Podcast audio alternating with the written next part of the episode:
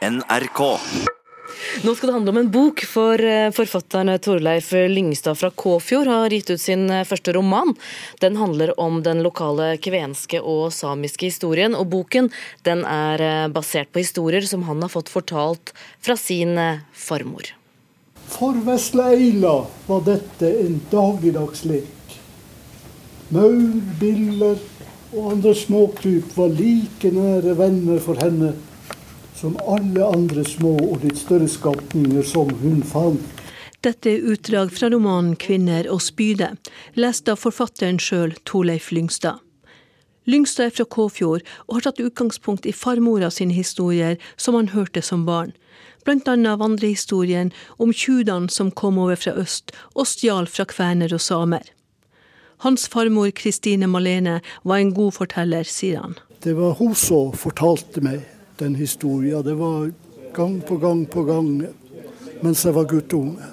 Det var Jeg begynte å huske under krigsåra, og det har da festa seg i skallen min. Hun var en flink historieforteller? Hun var Jeg må jo si i ettertid at det var fantastisk. Jeg var jo ikke klar over det da. Og hun hadde jo erverva seg de, de her kunnskapene gjennom andre som fortalte. Jeg vet ikke om hun kunne lese engang. Men hvorfor er det viktig for deg å fortelle om de her historiene fra tidligere tider? Nei, jeg har jo lyst til å bidra med mitt til at eh, de som lever i dag, har en liten peiling på fortida. Etnisiteten sin kanskje, hvis noen bryr seg om den. Gjennom boka synliggjør han også den lokale samiske og kvenske historien i Kåfjord. Det har jo hele tida ligget i hodet mitt at det er det som skal formidles. Trygg Jakola, du sitter i styret til Rojan Forlag.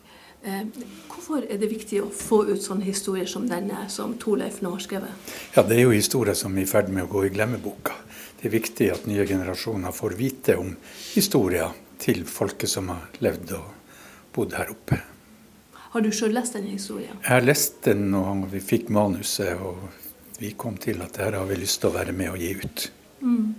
Bringer den noe nytt nå? Altså, hva bringer den uh, utover det man vet fra før av? Ja? Det er jo en fortelling da, som tar utgangspunkt i en familie som er kommet fra Tornedalen og hit. da. Men det er jo en roman, så det er jo ikke noen dokumentar. Men vi får vite om hverdagslivet til den familien, og, og en fortelling som da er en del av romanen. Merker dere nå at det er noe økt interesse for denne typen historier? Ja. Det, I dag er det jo sånn at folk er opptatt av røtter og vil, og vil vite om hvor, hvem er jeg og hvor kommer jeg fra. da. Så å gi ut sånne bøker, det tror jeg vi Roja forlag bare må fortsette med. Også Lyngstad syns det har skjedd en endring når det gjelder den lokale historien. Ja, det syns jeg. Nå kan man snakke uten å, å, å bli bjeffa på.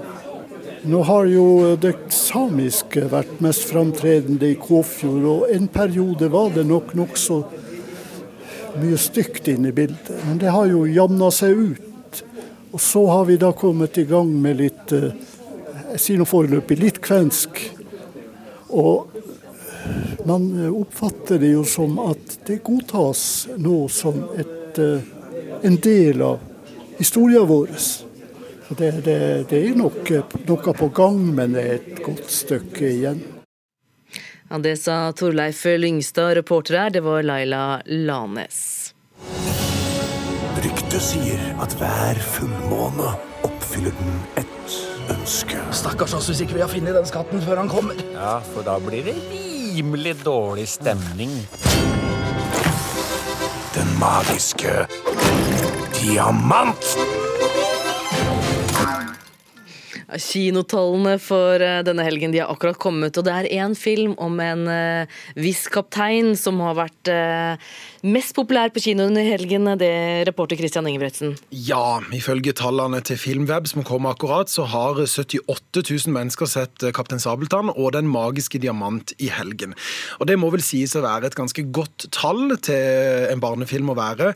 Til sammenligning så ble animasjonsfilmen om Knutsen og Ludvigsen, som også ble lagd av Kvisten Animasjon, Animasjon, selskapet som står bak Kaptein Sabeltann-filmen, setter litt over 40 000 personer i åpningshelgen i 2015. Men f.eks. filmen 'Skjelvet', som kom i fjor, ble sett av over dobbelt så mange som Kaptein Sabeltann, bare for å sette det litt uh, i perspektiv, da. Men det er innenfor en enda bredere kategori med film.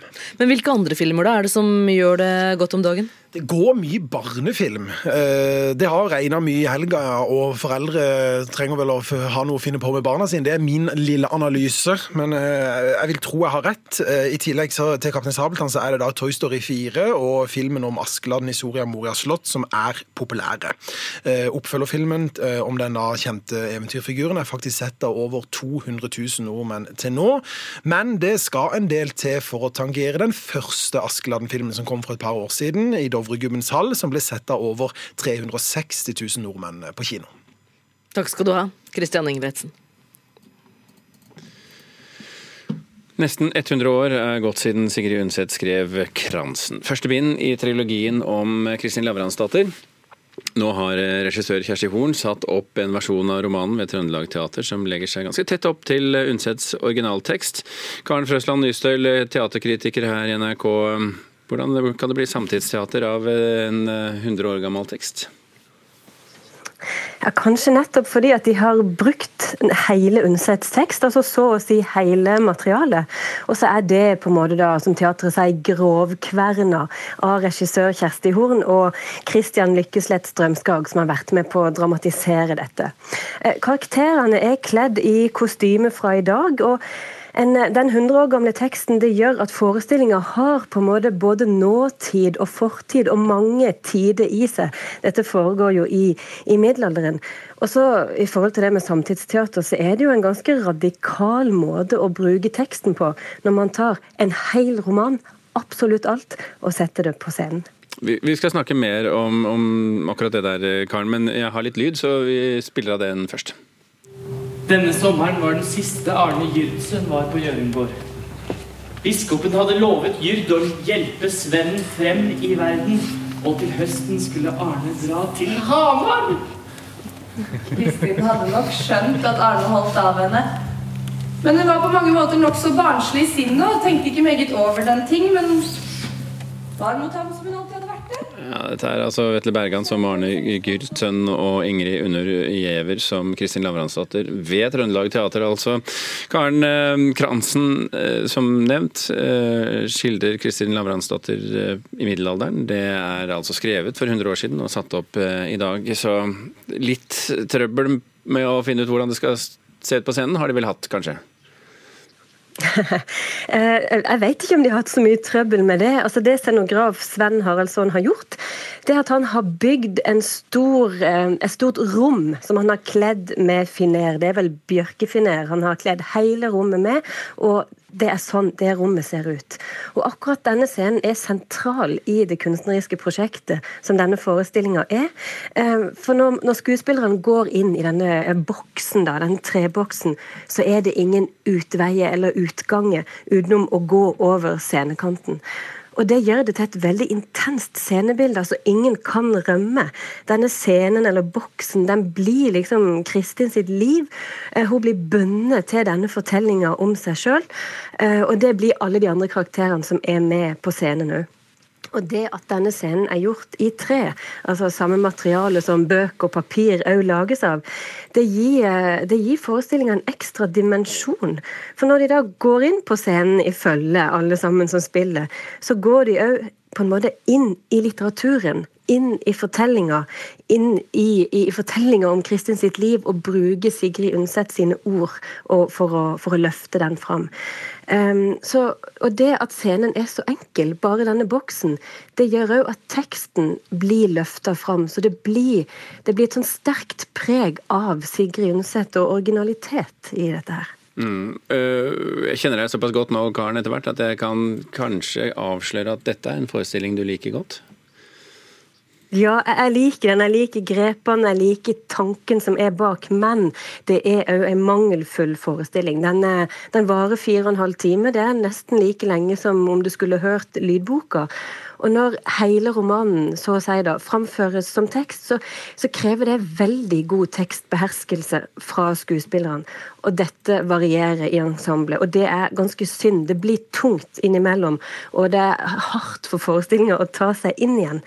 Ehm, så syns jeg òg den er litt uferdig, f.eks. For i forhold til virkemiddelbruk, hvordan virkemidlene skal fungere, når de skal sprute maling og når de skal røyklegge og sånn. Jeg opplever det ganske umotivert. Eh, så det er en del ting der som de ennå kan jobbe med.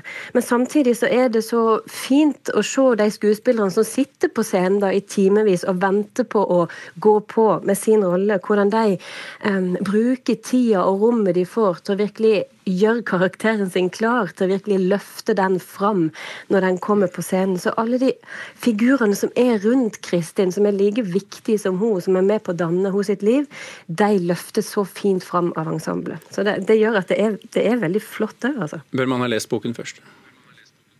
Nei, det syns jeg ikke. For her får man jo, for en gangs skyld så får man hele teksten Sigrid Undset servert.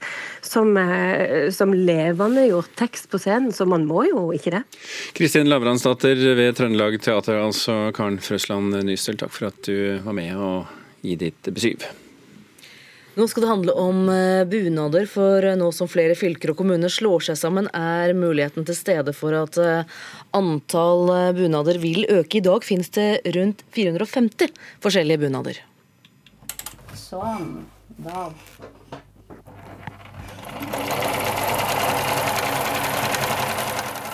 Symaskinen går og går, og det har den gjort jevnt og trutt i over ti år. Synnøve Finnerud fra Ramnes i Vestfold har nemlig den store lidenskapen av å sy Vestfoldbunad. Men nå som Vestfold og Telemark slår seg sammen, hva vil skje med bunadene da? Det kan jo hende med tid og stunder at noen utvikler en bunad som da skal liksom gjelde for hele den nye regionen. Ja, for det kan nemlig hende.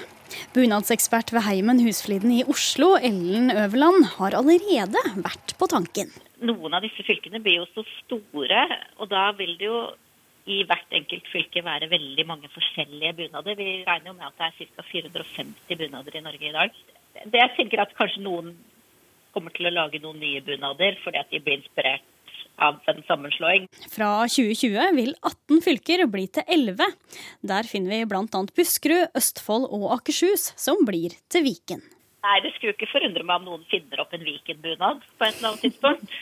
Nei. Det, det er for meg at noen godt kan finne på å gjøre. Tilbake til systua i Ramnes er Synnøve Finnerud i full gang med å sy nok en Vestfold-bunad. Og om det i fremtida skal komme nye bunader, så er det flere ting som er viktig å tenke på, ifølge Synnøve. Hvis det gjør det, så håper jeg i alle fall at de tar utgangspunkt i de bunadene vi allerede har. Fordi at de er jo bygd ut fra ting som er funnet eh, på loft og i kister rundt omkring. Ja.